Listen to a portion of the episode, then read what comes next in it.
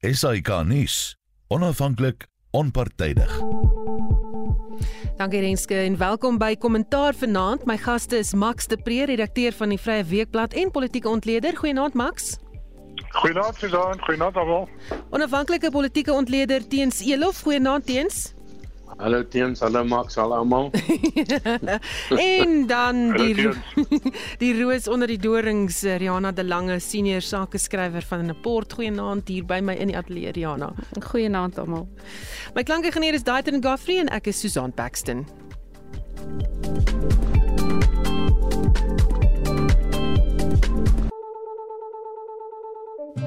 Hulle word geskop, hulle goed word van hulle afgeruk, uitgesleep en dit gebeur keer op keer. Dis asof hulle 'n uh, vendetta het teen huislose mense. Op Mandela Dag saai Monitor en Spectrum regstreeks uit vanuit Cradle of Hope vanuit Kreersdorp aan die Gauteng se Wesrand. Ons praat met die verskilmakers oor brandende kwessies in die Mogale City munisipaliteit. En as jy in die omgewing is tussen 12 en 1 uur op Mandela Dag, kom maak 'n draai by Cradle of Hope in Stegmanstraat in Kreersdorp. It is our hope that people will dedicate their time and effort to improve the conditions within their own communities.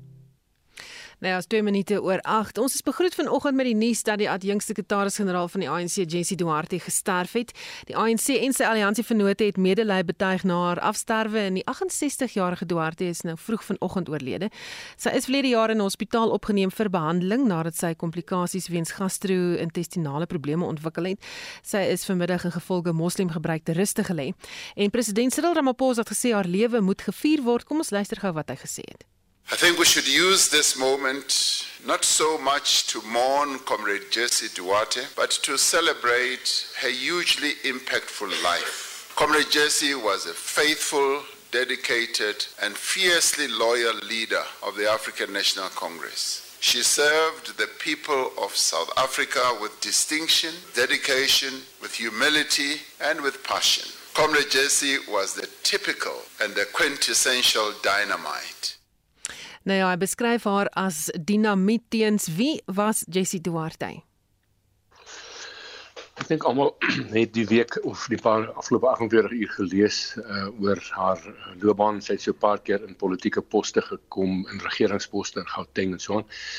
maar uiteindelik dink ek was sy was sy maar tuis in Letuli huis. Uh wat vir my opvallend was van haar um, is enerzijds dat sy sover ek haar gesien het nooit haar kalmte verloor het nie. Sy was altyd koel en kalm. Maar oor die algemeen ons almal verloor maar ons kalm tussen nou en dan. En die tweede ding is dat sy dat sy baie privaat persoon was. Ehm um, ek dink baie min mense het geweet sy het kanker gehad. En dit was nogal vir my ook 'n nuus en 'n skok. En dan die derde ding wat my van haar opgeval het, is sy het die vermoë gehad om die laaste vir al die laaste klompie jare nogal tussen faksies te beweeg. So sy was sy was 'n baie goeie administrateur en 'n 'n amptenaar wat uh, wat dit reg gekry het om te sê goed ek is die adjunk sekretaris-generaal ek weet my baas is eis maar ek sal die nuwe ek sal die nuwe bedeling onder Cyril Ramaphosa ook dien en ek dink dit dit moet haar tot tot eer trek dat sy daai rol gespeel het want bitter min mense dink ek in die faksie faksionele gevegte van die ANC kon dit gedoen het Hm. Max, um, wat was haar rol in die ANC? Uh Susan, ek moet jou eerlikwaar sê toe ek hoor van Jessie se dood, het ek teruggedink na die dae toe ek haar goed geken het. Toe het sy nog bekend gestaan as Jasmine Dangor. Sy het eers later Jessie Duarte geword toe sy met uh, meneer Duarte getroud is. En Jasmine Dangor was 'n uh, baie gawe, baie aktiewe, baie etiese uh UDF aktivis wat veral vir vroueregte en die regte van uh tuiswerkers beklei het. So ek het 'n lekker gemaklike verhouding met haar gehad. Maar ek is bevrees toe sy uh in die strukture van die ANC opgeneem is, het sy half uh, uh tipies van die ANC, sy het 'n apparatchik geword. Ehm um, sy het deelgeneem aan al die populisme en al die waninligting en op die uiteinde het ek en sy redelik sterk vasgesit. Uh sy was 'n 'n um, soos die Engelse sê 'n workhorse. Sy was 'n vertroueling geweest, sy was goed met administrasie. Maar ek is bevrees sy uh haar politieke rol was nie vir my baie positiewe een nie. Maar ehm um, verhouding met die media het soos tyd verloop regtig nogals verswak. Veral as ek gesien het baie keer wat gebeur het by konferensies uh, waar die media by betrokke was. Ja, sê dit vir my, sê dit baie skerp goed oor my gesê toe dit vaar duidelik word. En toe ek haar geken het as dit UDF daar, we struggle daar. En sy het seker gedink op 'n of ander manier ek is een van haar kamerade.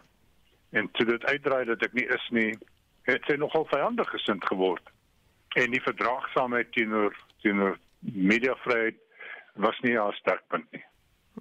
Rihanna Grootgif klein botteltjie.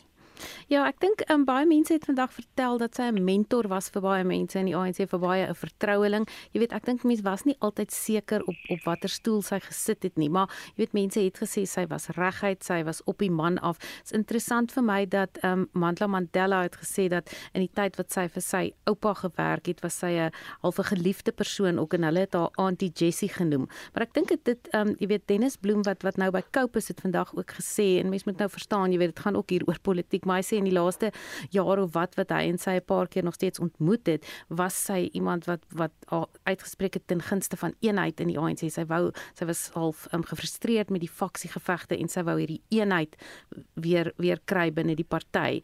Ehm um, so ek dink jy weet as as mense nou vandag sê hulle betoon eer aan haar en ons moet hierdie na, nalatenskap volg, dan is dit om te sê kom ons kyk vir die eenheid, maar ons weet wat aangaan in die ANC.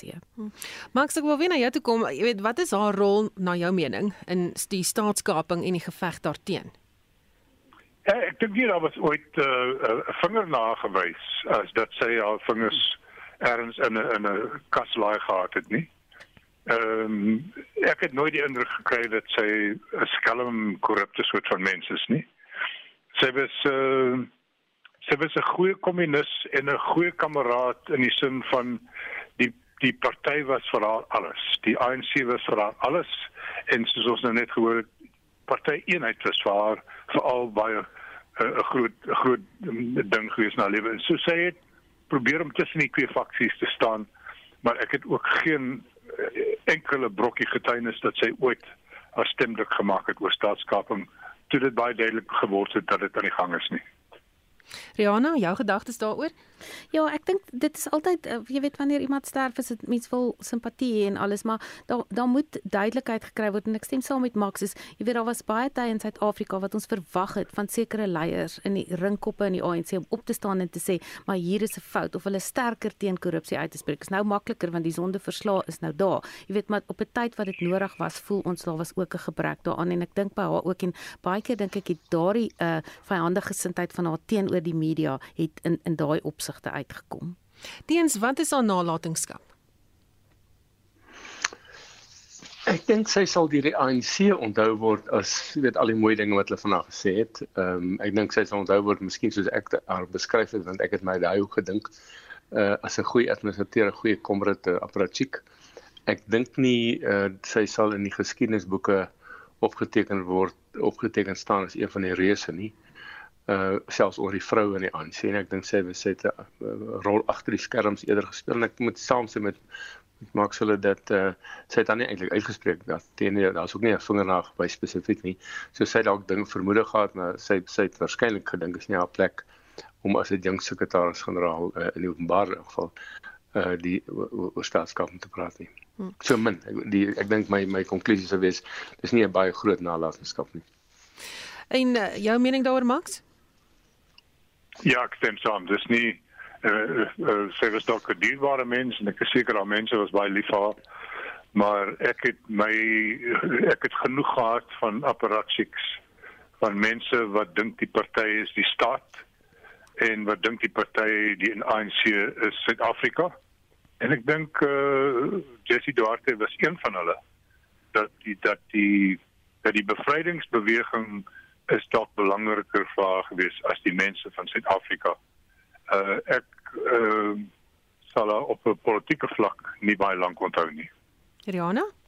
Ja, ek dink ehm um, mense dink maar net aan aan 'n paar ringkoppe in die ANC. Jy weet en ons het nou ehm um, tydens Covid het ons 'n paar mense verloor soos Jackson Tembo. Dit voel vir my asof hy 'n groter rol het of hy 'n groter naam het wat mens meer sal sal onthou. Jy weet, en ek dink binne die ANC het hulle wel vandag gesê as mentor, jy weet iemand wat wat vertroueling was, daar sal dit dalk gemis word, maar ek dink in die breër Suid-Afrika nie nie so 'n groot politieke naam nie. Hm. Ons gaan aan 'n volgende tema toe. Die week 35 jaar gelede het 'n klomp Afrikaners die ANC in Dakar gaan ontmoet. Teens jy en Max was deel van die groep. Die Dakar konferensie of Dakar dialoog, soos ook bekend gestaan het, was 'n draaipunt in die politieke geskiedenis, want daarna is die geleentheid geskep vir Nelson Mandela en PW Botha om te kan vergader met mekaar. Dis so kortweg opgesom. Ehm um, ek gaan met julle gesels hier oor Max, wat onthou jy van daardie tyd? Die besluit om te gaan om te gaan ontmoet. Julle het dit in privaat, julle privaat kapasiteit gedoen. Wat onthou jy alles? Wel ek onthou ek het daar so vreemde dopper dominee ontmoet. en ek het die man so gekyk en gedink, "Wat maak jy hier by ons?" en Teens Elof het toe een van die sterre geword van die dialoog uh, wat ons daar gehad het. Uh omdat hy reg het gepraat het soos dit 'n dopper dominee betaam as ek dit mag sê. Hy het reguit en eerlik gepraat en daar was groot waardering vir hom gewees daarvoor. Daar was groot waardering vir ons vir hom want hy was waarskynlik die man wat die meeste gehad het om te verloor. En soos ek uh, Vrydag opgemerk het in 'n artikel, hy het ook toe die meeste verloor, maar ten minste het hy ook daarbey gebaat want daarna het hy 'n groot rol gespeel uh en speel hy steeds 'n groot rol. Vir my was dit 'n wonderlike ervaring uh wat uh, ek dink mense misverstaan het. Mense wat daar was het soms probeer sê dit was belangriker as wat dit was. Ek het nooit dit anders verstaan as 'n simboliese gebaar om die kultuur van 'n onderhandelde skikking uh, te bevorder nie.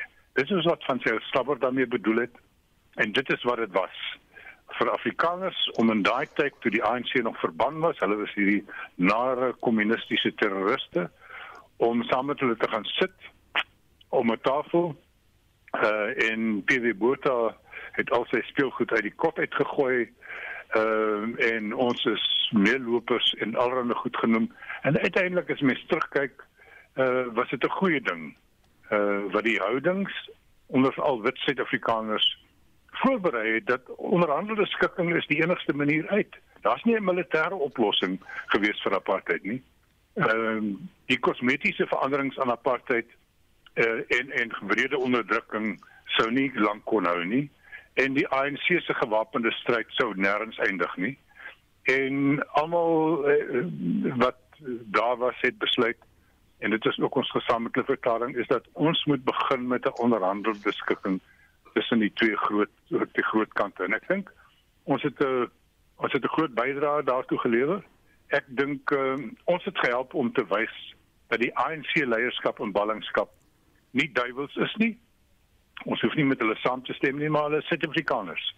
En in die ANC ewe belangrik is daar geleer dat alle Afrikaners of alle wit Suid-Afrikaners is nie dikgewrig swart slaanders rassiste nie en en ek dink daai gemeenskaplikheid uh het ons goed te staan gekom en mag ek byvoeg veral saans nadat die praat verby was ons het 'n bietjie kaapse brandewyn en wyn gedrink hm.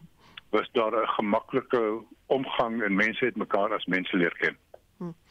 Hm. Ek hoor die dopper, die vreemde dopper Dominie lag toe hy van hom praat Max. Ehm um, Diens, wat was jou indruk? Gedrink nie, moet ek net vir julle dit sê op rekord. O, goed, nie wyn gedrink. Dankie dat jy dit vir ons duidelik gestel het. Ons net weet. Nee, weet jy, ehm um, ons het dink ek al Max 2 ten minste 2 dalk 3 reunies gehad. Ehm um, die laaste een het ons gesien daar is 'n bietjie uh, verwydering tussen die tussen die gedagtes wanneer ons in die dit was al in die Zuma tyd. Maar nee, wie op op 'n miskien moet ek eers net sê op 'n persoonlike noot was dit 'n keerpunt in my lewe. Uh want ek het daarna, jy weet, uit die bediening uit gegaan um, en al die ander wonderlike goed wat my geleentheid gegee is om te doen het gedoen. Um ek onthou ek was ek was in groot moeilikheid hier in in in in die noorde want uh een van die uh grond mense wat storie gelek het en ek dink dit is beeld het op 'n stadium gesê na na hierdie dag of twee dae het iemand uh, oor 'n brandewyn gesê ons kan met die toekoms in Elof en Bekkie se hande los. En almal gedink is 'n kompliment, maar jy kan nou dink hier in Suid-Afrika was dit nie baie goed ontvang nie. En die tweede ding wat ek onthou is toe my vrou my bel en baie ontstel en die kinders moet uit die skool uitgehaal word want hulle word nou allerlei name genoem. Toe het ek vir haar gesê, jy weet, 'n tipiese understatement van die jaar dis 'n storm in 'n teekop en natuurlik was dit nou nie heeltemal 'n storm in 'n teekop nie. Maar dis persoonlik. Ehm uh, ek dink op op op 'n op soort van 'n ja, meer uh, formele vlak uh, wil ek net met Max saamstem. Ek dink die boodskap wat dit gebring het is dat daar kan onderhandel word. Daar, daar moet onderhandel word. Dis die eerste belangrike een en die tweede een is dis 'n bevestiging al is dit dan nou na die tyd dat die regering dit alreeds begin besef het. So dit was eintlik 'n bevestiging. En ek bedoel iemand soos Neil Barnard was bitter woedend dat ons dit gedoen het want maar hulle was toe alreeds besig met met met 'n uh, soort van indirekte kontak uh, deur Willie Estreys en ander al, al geruime tyd maar hulle hulle wou nie gehad het ons met die ons met die show steel nie. Uh, so dis die positiewe. Die negatiewe is ehm um, en ek dink Max sal hiermee saamstem is dat in die ek is nie iemand wat dit wat dit ophemel en sê dit was die heel belangrikste nie dit was vir my 'n keerpunt maar ek dink was ander dinge wat ook belangrik was in die land se omdraai. Maar wat wat wat wel gebeur het is dat die twee goed waarby die politieke partye nie en ek praat van al die politieke partye nie 'n hoofrol gespeel het alleen nie naamlik die Dakar gesprekke en al dat die ANC daar was maar daar was nie ander politieke partye nie. En die vredesonderhandelinge waar daar baie ander uh, spelers was word voortdurend deur politieke party uh, politici afgemaak as onbelangrik en ek dink dis belangriker as wat hulle dit maak. Ek sê nie dis die enigste belangrike ding nie. En uh, ek wil ek ek ken nog ons ken nog baie van daai mense. Ons ons stem vandag ek en Max stem met van hulle saam ons verskil met van hulle. Van hulle is al is al oorlede. Maar ek dink dit was 'n was 'n 'n mylpunt in die in die land se geskiedenis hm. Ek wil terugkom na daai persoonlike kostes van julle voor ons dit nou in konteks bring met die politiek vandag. Uh, so teens terwyl jy nou aan die woord is en jy het nou vertel die storie van jou vrou wat gebel het en gesê kinders moet uit die skool gehaal word vir jou was dit 'n storm in 'n teekoppie vir hulle was dit erg maar wat was die persoonlike koste vir jou deur te besluit om deel te neem aan hierdie dialoog?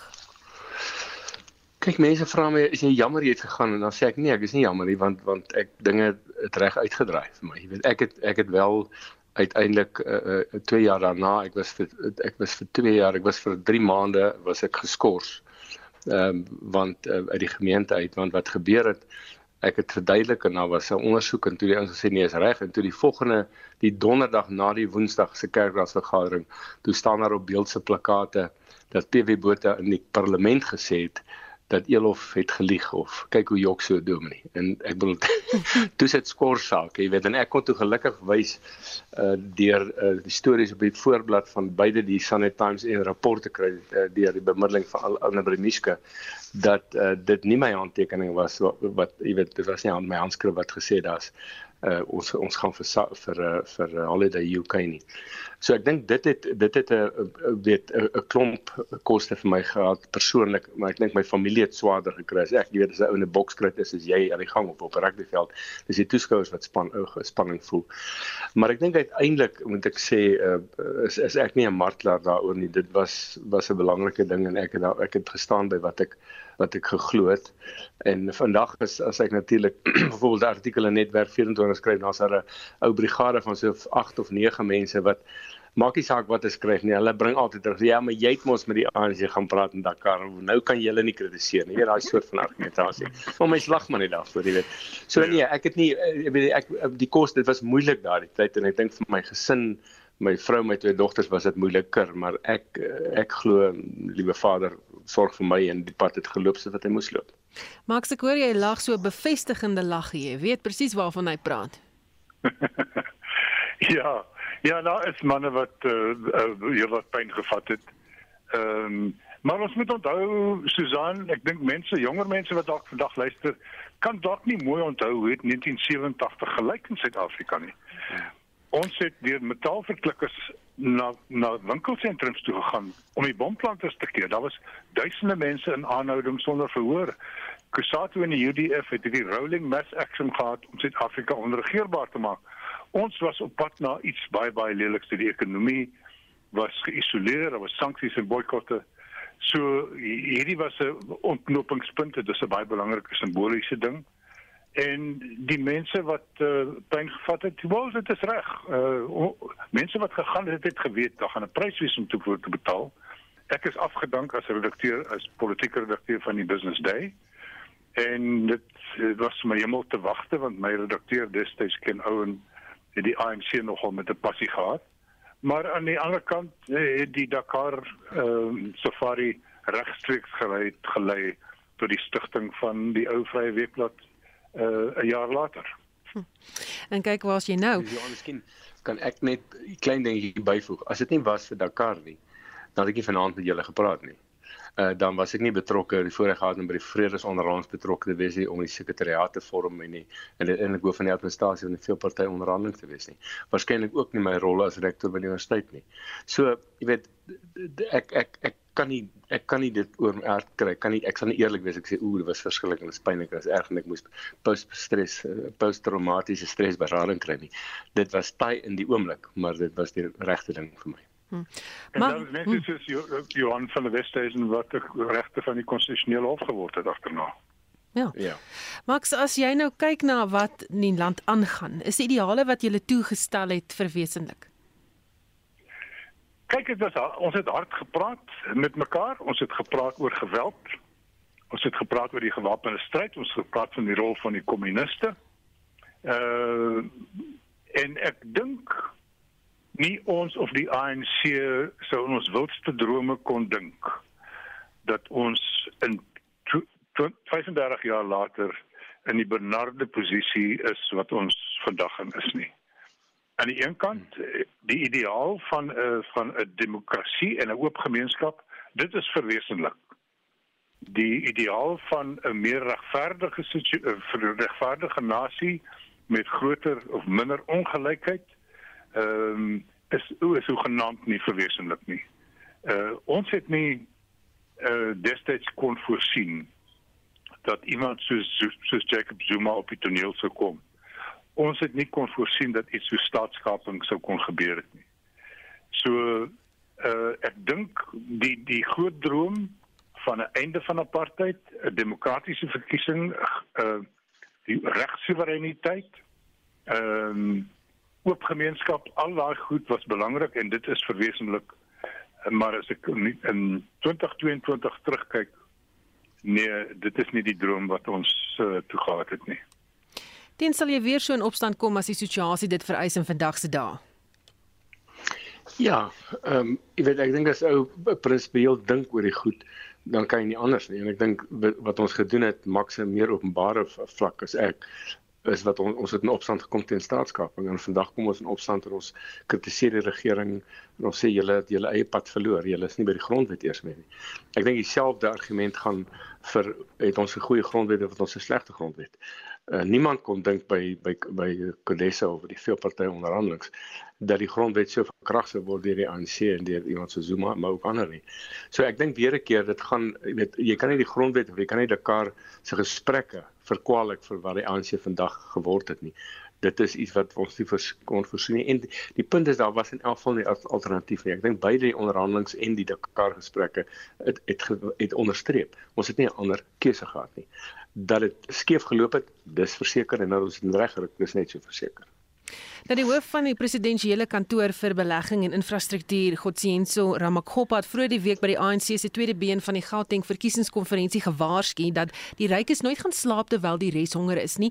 Hy het gewaarsku dat die mense sal opstaan en hulle sal die ANC uit sy politieke leierskapsposisie lig en hy het ook gewaarsku dat die ANC se huis nou in orde moet kry want die mense is moeg vir verskonings wat op niks uitloop nie.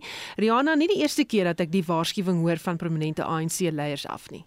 Ja, ek sien dit wys net die die absolute verskil wat daar is. Jy weet sekere groep leiers binne die ANC ehm um, wat sê dis wat ons moet doen. Ons is besig om te vernuwe, ons is besig om korrupsie uit te roei, maar ek dink wanneer dit kom die afgelope 5, 6 jaar, dis mooi woorde, dis beloftes, gewone burgers, mense op straat sien hierdie goed gebeur nie. Dis hoekom ons hierdie protesoptogte sien, uh jy weet oor dienslewering wat net eenvoudig nie gebeur nie. Daar is net nog steeds te veel mense binne regeringsstrukture, staatsstrukture wat hulle hande in die staatskoffers het en die geld kom nie uit waar dit moet uitkom nie. En en net weer terug om nou te sê Jessie Duarte se afsterwe is nou dis 'n manier vir ons om te, te sê ons gaan die party vernuwe en so aan. Ek weet nie of daar is daar genoeg jong leiers binne die ANC wat glo die grondwet is wat wat ons moet volg. Ons moet ons uh beywer vir 'n nie rassige, demokratiese, nie seksistiese Suid-Afrika waar ongelykheid, armoede, werkloosheid, al daai goed moet vooropgestel word vir die mense van die land eerste. Ek weet nie of ons daar is nie. Hmm. Jy praat nou van jong leiers en ek en ek moet nou noem hulle praat van 1987 hier. Ek was maar 7 jaar oud. Ek onthou nie al die goed waarvan Max en Teens praat nie. Uh, nou moet ek julle al die vrae vra. Ja, as jy nou so luister na wat hulle sê en wat hulle deur is en dit was baie jonger manne destyds.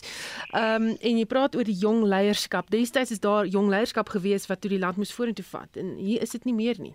En ek dink dit is die les wat daar uit te leer. Ek is seker daar is sulke mense. Daar is sulke mense in Suid-Afrika. Die punt is hier hierdie is 'n les wat ons kan leer uit Dakar en as mens terugkyk en sien wat en hoewel dit baie jare gevat het, ons het op 'n punt gekom waar ons by die demokrasie uitgekom het. Maar om om te sien dat as jy die moed van jou oortuiging het en mense is bereid om daardie kans te vat en opponerende partye kan sit en werklik luister en werklik gesels en luister na mekaar en die land en sy mense vooropstel, dan kan ons met beter oplossings vorendag kom as waarmee ons op die oomblik in Suid-Afrika sit.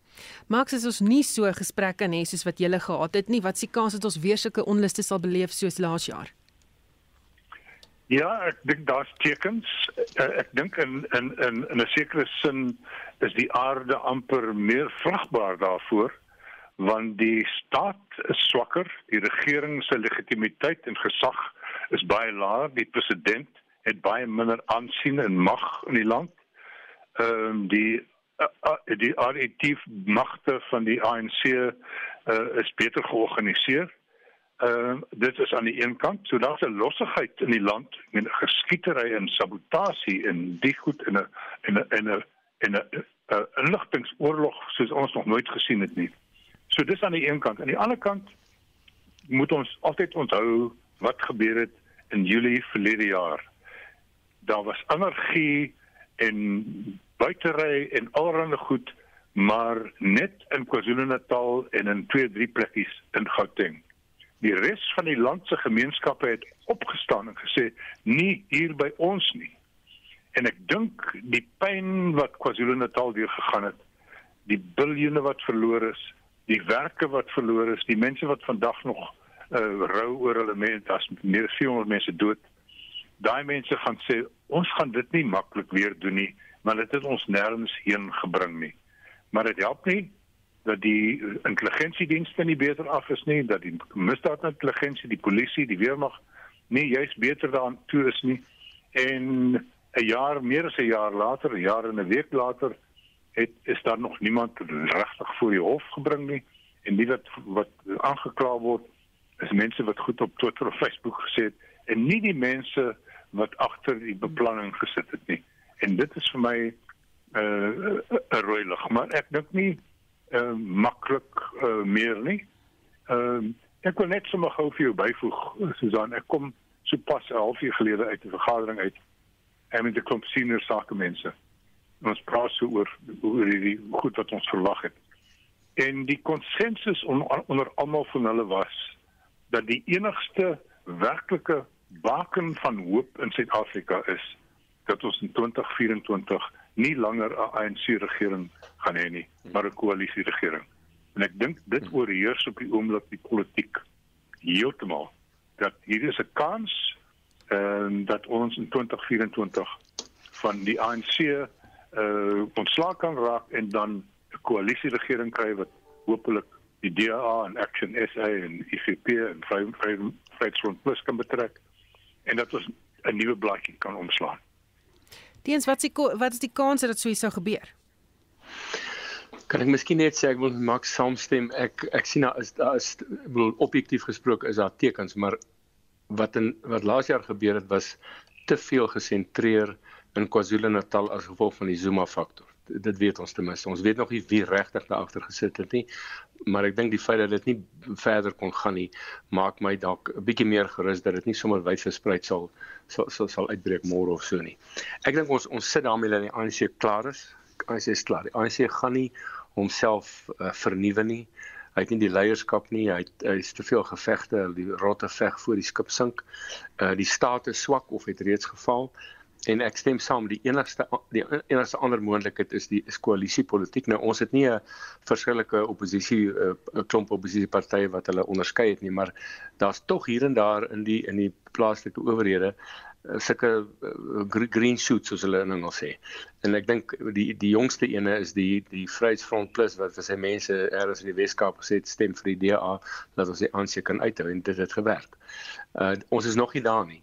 Maar ek dink wat wat Corneil Mulder doen as voorsteur van daai van die oppositiepartye so 'n soort van koalisie uh gesprekke wil daartoe lei dat dat hulle voor 2024 'n koalisie vorm of jy weet sodat die sodat jy die Helens hulle gaan nie meer sê stem vir ons en anders is dit 'n verlore stem nie.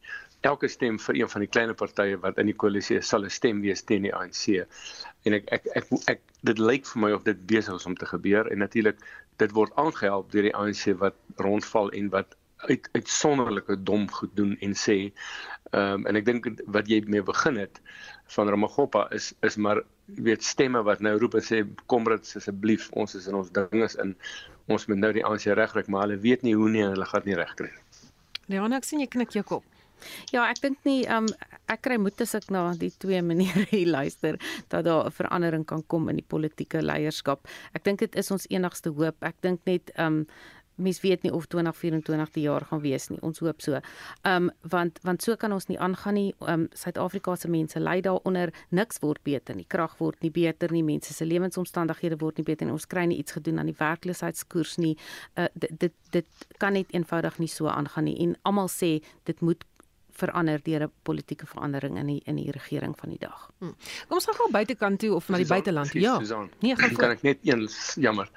Ek wou dit sê en ek vergeet almal uh, uh, uh, kritiseer nie net die Dakar gangers nie, maar ook die grondwetlike onderhandelings dat daar nie meer oor ekonomie gepraat is nie. Dit is waar die grondwet is 'n stadkundige dokument wat nie 'n ekonomiese dokument is nie. Hy het ekonomiese implikasies.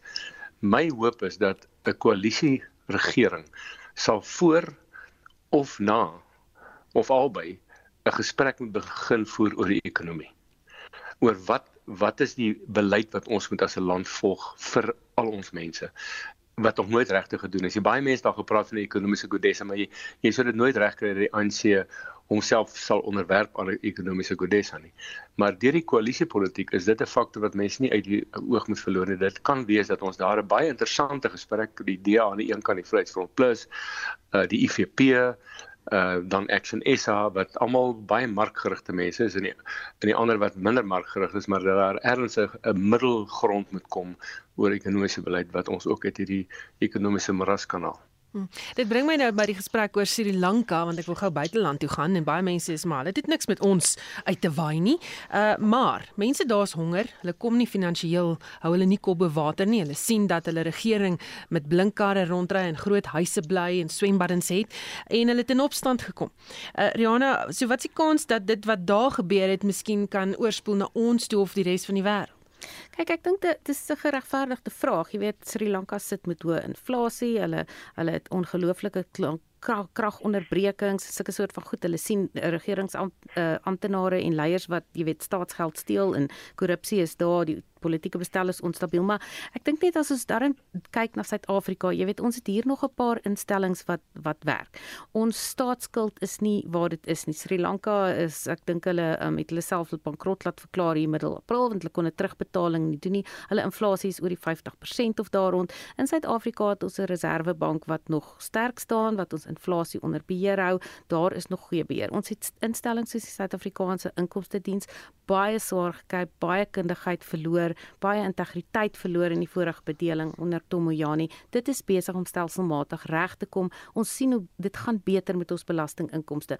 Ehm um, dit is wel baie belangrik dat ons regering sal sien ons kan nie nou net geld rondgooi wat daar nie is nie. Ons moet ons staatsskuld onder beheer hou. Ons moet sorg dat ons die ekonomie en die ekonomiese strukture regkry sodat mense kan begin werk soek. Want as mense 'n werk kry, jy weet as jy nie hoop het uiteindelik vir jare aan een nie om nie werk te kry nie, jy kan nie meer kos vir jou kinders op die tafel sit na hoeveel maande nie.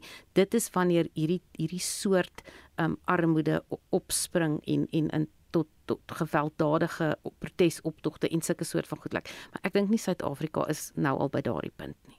Maks enige ooreenkomste tussen ons en Sri Lanka? Ja, ek dink die twee politieke kulture is geweldig verskillend. Ek stem met alles toevallig saam wat nou net pas gesê is. Dit is goed gesê. Uh die twee politieke kulture is is baie baie verskillend. Ehm um, en die situasie daar is baie erger. Daar's byvoorbeeld glad nie petrol. Hulle het nie buitelandse valuta om uh, om uh, olie uh, om petrol in te voer nie.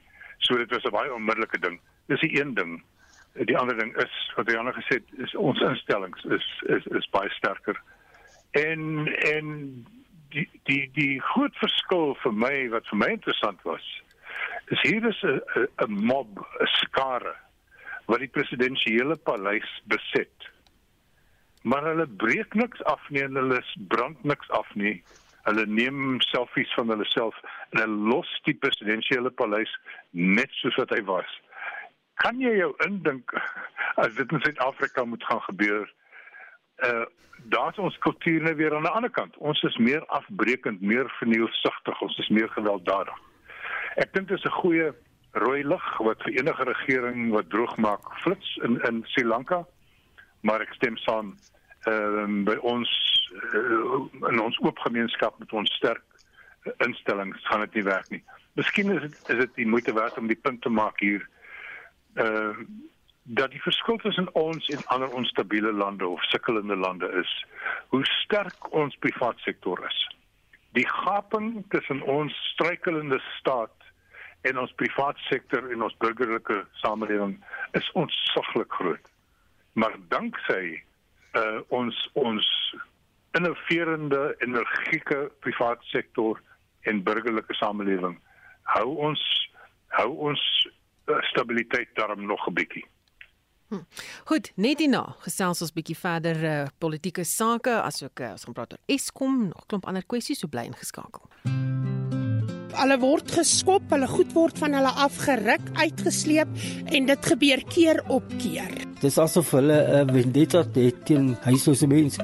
Op Mandela Dag saai Monitor en Spectrum regstreeks uit van Cradle of Hope vanuit Kreersdorp aan die Gautengse Wesrand. Ons praat met die verskilmakers en oor brandende kwessies in die Mogale City munisipaliteit. En as jy in die omgewing is tussen 12 en 1 uur op Mandela Dag, kom maak 'n draai by Cradle of Hope in Kreersdorp. It is our hope that people will dedicate their time and effort to improve the conditions within their own community. SAK nuus, onafhanklik, onpartydig. Welkom terug by Kommentaar. My gaste is Max de Pre teens Elof en Riana de Lange. My naam is Susan Paxton. Ons praat nou oor Eskom.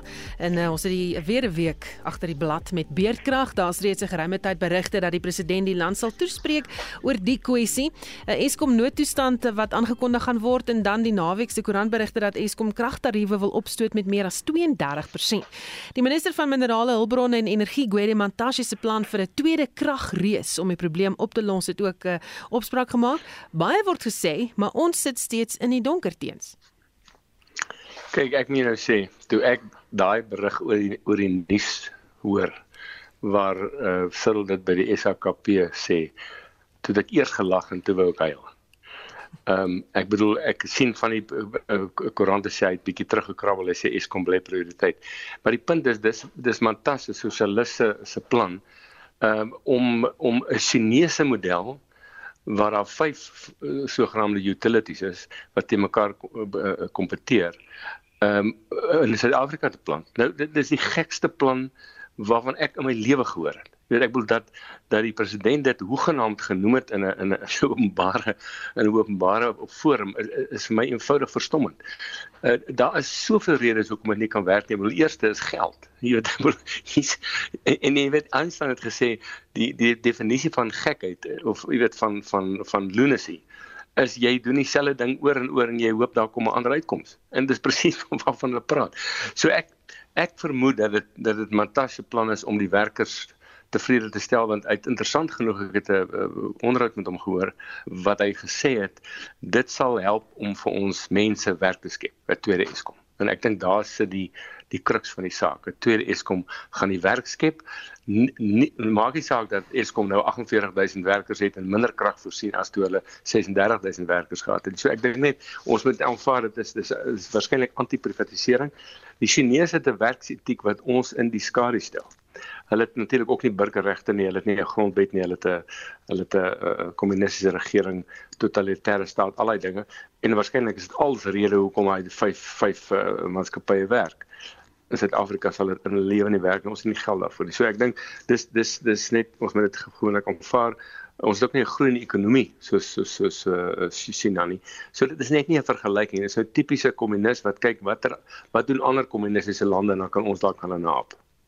Rihanna, ehm um, regtige oplossing wat voorgestel is, uh, na jou mening of soos 'n luisteraar gestel het, net nog 'n manier om geld te steel? Uh. Ja, ek dink um, wat wat vir my die verstommendste daarvan was is dat president Ramaphosa, ek dink hy het dit selfs 'n briljante idee van minister Mantashe genoem, jy weet. En ek dink dit is net dit laat 'n mens ril, jy weet, want al is dit net 'n politieke manier om mense te kry of om om werkers tevrede te stel of om te dink jy gaan meer uh, kiesers kry of om die landsburgers tevrede te stel dat ons 'n plan gaan maak met die met die energie situasie. Dit is dit is absoluut verregaande en jy weet dit, dit grens aan dieselfde wat ons het oor die nasionale gesondheidsversekering dat daar 'n een sentrale fonds moet kom waar al die goed deur gaan gaan. Mense in Suid-Afrika is moeg daarvoor om te sien dat geld na 'n sentrale punt toe gaan waar enkele paar mense toegang daartoe het en beloof hulle gaan hierdie wonderlike dienste vir mense van die land lewer en op die ou einde kom dit niks nie die geld verdwyn, jy weet in in blink karre of wat ook al lyk like my uh, generators vir al die ministers se huise.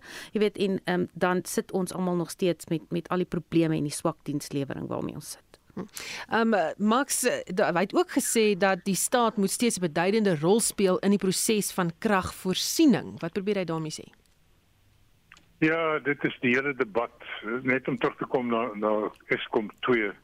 Miskien is dit 'n briljante idee dan moet ons 'n Denel 2 kry en 'n Prasat 2 kry en 'n 3 en 'n 4 en 'n Tas 2 kry, jy weet. Dit is geen sê dit is dit is gek verby die die die kruks wat hier lê wat aan Matasha argumentering lê is 'n teesinnigheid om kragopwekking te privatiseer. Met ander woorde die son en windkrag nou gaan private uh, vervaardigers wees. En daar's 'n daar's 'n weerstand daarteen. Alles moet aan die staat behoort.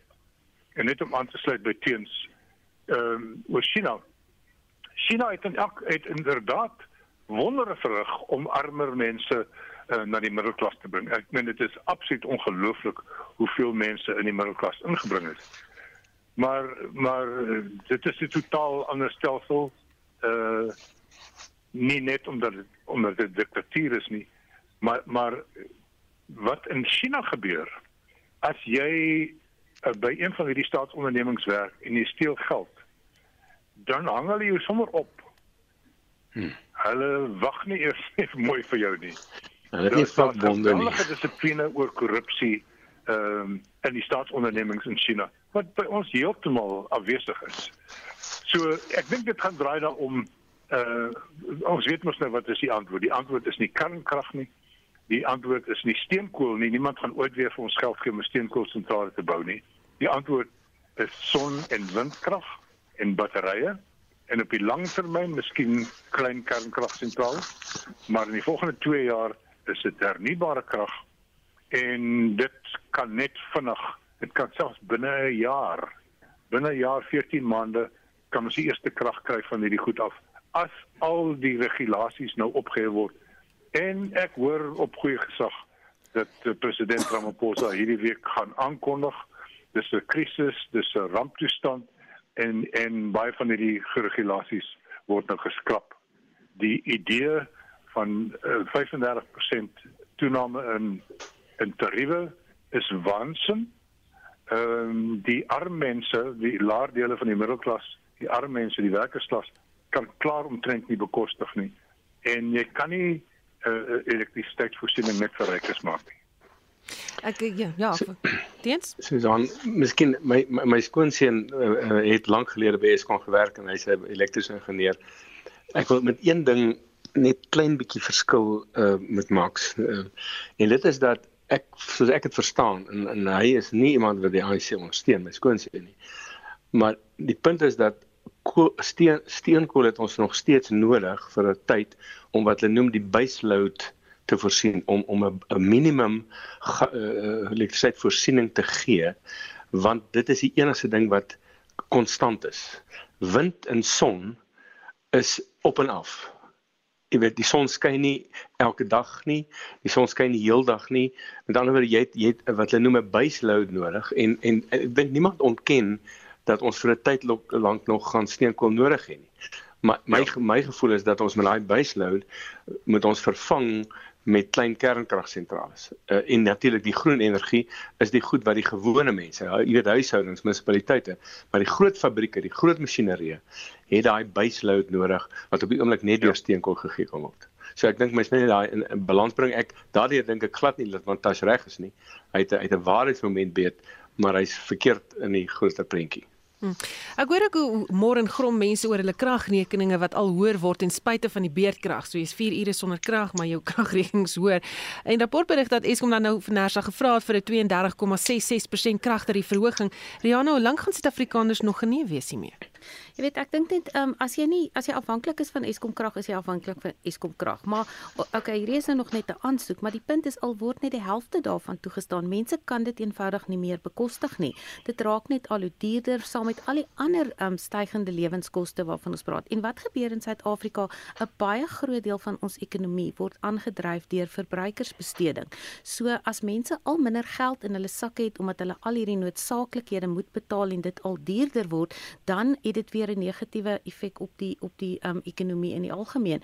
En ek dink net um jy weet hier jy betaal nou meer, maar jy kry net al minder krag. Jy weet dit is 'n aardige gevoel om hier deur Johannesburg te ry in die aande met fase 6 en fase 4 beerdkrag. Jy weet daar's die winkelsentrums is donker, die straatligte is af, die huise se ligte is donker. Mense kan regtig nie so aangaan nie. En ek dink net daar is nie vir my 'n dringendheid van die kant van die regering om hierdie op te los nie. Ek dink ons hoor nou al 'n week en 'n half lank dat die president ons gaan toespreek en met een of ander noodplan gaan kom dat hy seker van hy goed kan omseil sodat hy hom nie vashak by 'n by 'n minister van van energie nie. Maar ons sien dit nog steeds nie kom nie. En dis hoekom ek sê daar's nie 'n dringendheid nie terwyl Suid-Afrikaners baie baie swaar kry. Klein besighede kry baie swaar. Mense probeer enige iets met derduisende rande wat hulle bestee aan kragopwekkers, uh wat ook al net om hulle self aan die gang te hou en hulle mense te kan betaal.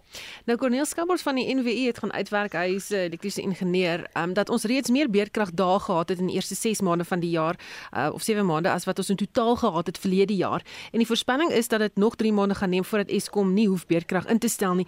Rihanna, hoeveel kan hierdie ekonomie van ons nog hanteer? Ja, ek dink dis dit kom net terug by wat Max gesê het. Ons moet besef dat die privaat sektor is baie veerkragtig. Mense maak planne. Nie almal wat besighede het of ondernemingsbedryf kan daai geld uitgee om nog steeds aan te gaan nie, maar mense maak ongelooflik goeie planne. En ek het nou gesien dat die privaat sektor gesê hier is ons. As die regering nou sê ons het ten minste 170 miljard rand onmiddellik nodig om ons te kry by hernubare kragopwekking sodat ons oor 2 jaar in 'n beter posisie kan word. Hier is ons. Ons wil dit doen, maar daarvoor wag ons nou vir sekere veranderinge en dis hoekom almal wil hê die president moet nou ingryp om sekere van sy ministers te sy stap. Max, wat gebeur as die kragnetwerk ineenstort? Dis nog, uh dis nog. Ehm um, dis letterlik uh, dit sal 'n katastrofe wees. Dis dis nie 'n katastrofe in 'n land soos Zimbabwe of of of selfs Zambië wat wat dit al gehad het nie. Hier by ons is dit is dit 'n totale katastrofe. Dit vat daar om die stelsel weer aan die gang te kry. Uh die kostes is geweldig. Uh dit sal verskriklik sleg wees vir ons reputasie in die wêreld. Ons mense gaan bitterlik swaar kry. So uh gelukkig is dit iets wat nie nou na waarskynlikheid lyk nie. En die vraag wat baie mense vir mekaar afvra is is die kombinasie van Andre de Ruyter en Jan Oberholzer die regte een? En ek het altyd gesê baie beslis, ek hou van sy oop styl, hy's 'n eerlike, ernstige eerlike reguit man. Ehm uh, maar ek meen ons sal moet sien in die volgende weke wat kom. Ehm um, kan Andre de Ruyter hierdie bil by die horings pak as hy uh bietjie meer van 'n vrypas by Cyril Ramaphosa kry. Ehm uh, so ek dink nie ons ons ons kyk na 'n uh, 'n uh, instorting nie. Maar genade weet ons wil nie weer by by fase 6 van draai nie. Dit was net absoluut vernietiging. Vir fase 2 gaan ons bly nog vir 'n paar weke of paar maande.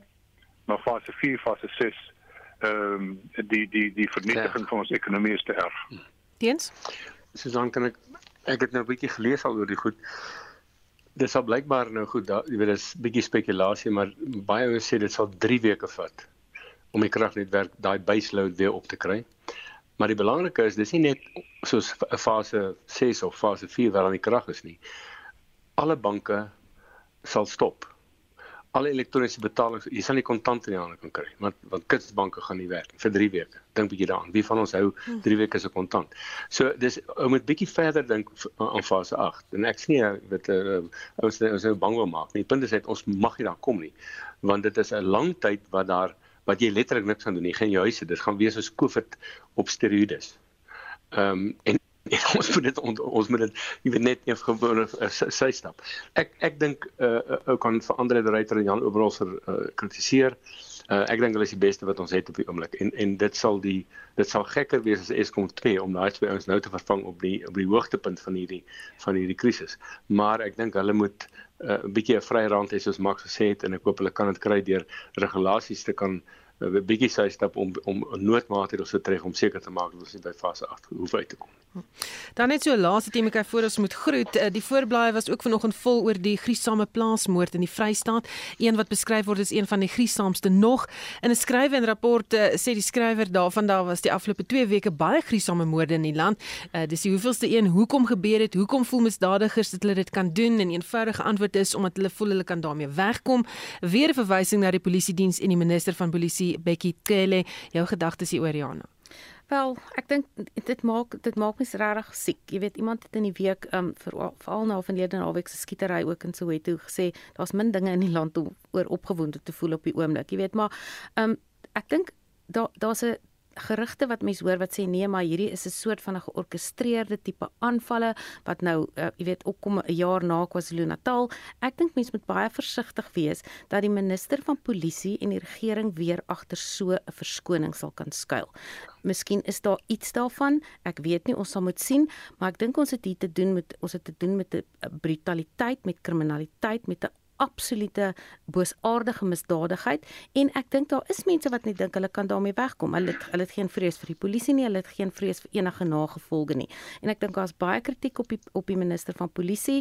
Hy gaan besoek gemeenskappe, hy word nie uh welkom ontvang daar nie want die polisie is onder beman, hulle het nie genoeg geld nie en um dan raak die minister so jy weet verdedigend en en eintlik ehm um, dis dit is eintlik 'n skreiende skande. Maar ek dink dit is belangrik dat ons weet daar is goeie polisie manne, maar die polisie moet groter prioriteit wees en die polisie diens, die geld wat hulle kry, die opleiding wat hulle kry en die steun wat hulle kry van die regering, want dit is weer eens iets veiligheid van mense, veiligheid van eiendom is iets wat enige belegger afskryf. Het sy in die buiteland is of in die binneland. Hm. Max, uh, selfe klagtes wat die polisie minister heeltyd hoor. Daar's nie genoeg polisielede nie, die gemeenskappe kry nie diens nie.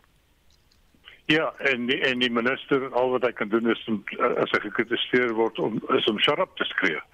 Ehm um, ons moet daarom ons moet daarom baie gou-gou van hom ontslaa raak. Ek het nog redelike hoop dat ons nuwe kommissaris dalk eh, iets anders gaan wees as die kommissaris wat ons in die verlede gehad het.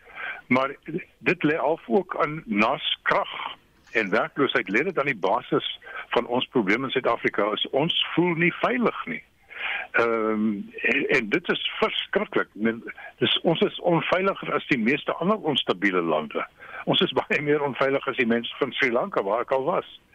So die geskietery en ek meen dit was sewe voorvalle waar meer as 4 4 mense op slag doodgeskiet het. Dit kom nou sommer skielik, dis van die laaste 6 weke. Dit ontstel my dat dit skielik so op hoop kom. Ek weet nie wat dit beteken nie. Daar's weer 8 mense in Kailitsov doodgemaak gister en vandag. Ehm um, en wat moet ons maak? Al wat ons moet maak is ons moet regtig waar die die president met sy kabinet verander en hy moet ons ander minister van polisie gee en hopelik kan die kommissaris die die die sy kant bring. Teens wat s'e gevoel en indruk wat die man op straat kry as die politici daar aankom met al hulle leiwagte en duur motors? Nee, wat ek wil ek voel al ek voel of ek in 'n voorhulle wil inry as hulle met sewe karre aangejaag kom op die N1 Benskoeman want hulle is laat vir 'n vergadering. Jy weet, jy weet hoe voel die ouens in in in die townships. So nee, ek dink dis dis dis baie negatief, is baie sleg en ek dink ek dis verstommend hoeveel van die mense van daai gemeenskap iemand soos een Cameron byvoorbeeld ondersteun het. Ek ek moet net sê ek dink dis ongelukkig soos Eskom se werkerskorps en die res van die stasies is dit 'n lang vrugte nie noodwendig net van staatskaping nie maar van kaderontplooiing van korrupsie en swak opleiding van van die polisie. Ek, ek het die ek het toevallig die die bekendstelling van minister Motsoaledi se grenswag eenheid gesien my hemel, ek weet ek kom nou uit, jy weet ek was in die in die in die lugmag, ons moes gemarseer het in die voortrekkers. Die punt is geen dissipline. Hulle kan nie eens ordentlik marseer nie. Hulle kan nie eens gelyk hulle arms oplig nie. Hulle moet die grense gaan bewaak. Dis nou 'n nuwe eenheid. En dit is tipies van die polisie, van die weermag. Nie dissipline nie, nie opleiding nie, trek my nie agtergehouding en dit kom van bo af dit kom van die leiers af en ek dink die gewone man is totaal almoeg daarvoor. Maak so 'n laaste gedagte van jou oor uh, Bosisiwe Mqobani die geskort openbare beskermer in die ondersoek na geskiktheid vir haar amp wat aan die gang is in die parlement. Ja dit is nogal 'n sirkus. Um, ek het my vriend Johan van Lochenberg was voor die komitee. Uh, en ek dink luisteraars wat al sy boeke gelees het en hom al gesien optree weet hy is 'n eerbare man, hy is een van ons belangrikste vlekkieblasters en hy is absoluut verneder deur Dalim Pofu en die stomme voorsitter meneer Janti kan nie die ruggraat ontwikkel om vir Dalim Pofu te sê jy mag nie in die parlement 'n genooide gas so behandel. Selfs om vra oor sy oor sy geestestoestand. Die suggestie plaas plaas dat Johan dat Johan van Loggenberg half 'n mannetjie is. Dit is vergaande Dalimpofu is besig om om teater hiervan te maak en ek hoop van môre af gaan die voorsitter 'n bietjie sterker optree. Jou gedagtes daaroor Jana, vinnig 30 sekondes. Ja, ek dink dit dit is absoluut dit, dit is die beskrywing. Dis 'n sirkus en ek dink net hulle is um, tipies WM Pofos besig met daai tipiese taktik wat die wat die Zuma faksie altyd volg. Jy weet, bietjie uitstel, 'n bietjie van 'n van 'n side show hier en iets daar, jy weet om die aandag af te trek van die waar en hulle is nie regtig daar om dink ek saam te werk nie. Teens jou gedagtes. Toe hy wat heeltyd van van Loggenberg praat van die Rogue Unit en hy maak kapsie. Toe toe gooi hy sy speel gedeeld maar die kotte toe van Loggenberg vir hom sê maar jy's 'n jy's 'n Rogue advokaat. En toe is hy so seer maak en hy met homself verdedig en al hy twak. Hy's 'n hy's 'n hy's 'n absolute showman. Maar ek dink hy moet op 'n stadium moet hy deur 'n regsberoep self tot orde geroep word want hy doen dit oral. Hy doen dit oral. So ek ek verwag nie veel daarvan nie, maar ek hoop dat die parlement ten spyte van sy van sy, van sy tricks en sy soos die Engels sê sy antics dat hulle regte beslissings sal maak. Hm, Rihanna, dink jy hulle gaan by die punt uitkom om haar te ondersoek en te sê skuldig of onskuldig of geskik of nie geskik nie? Ek dink ons moet glo in die proses. Ek dink uh, dit is ten minste is ons by daardie punt waar dit nou gebeur en ehm um, dat jy weet dat die mense hulle nigter besluite sal neem op die feite wat wat voorgelê word. Baie dankie dat julle saamgesels het. Dankie dat jy saam geluister het vanaand. My gaste was Riana de Lange, sy is 'n senior sakeskrywer van Rapport. Dan het ons gepraat ook met Max de Pre, redakteur van die Vrye Weekblad en politieke ontleder, as ook 'n onafhanklike politieke ontleder teens Elof. My naam is Susan Paxton, my klankingenieur is Daiter en Godfrey en bly geskakel op RSG vir die beste luistergenot ooit.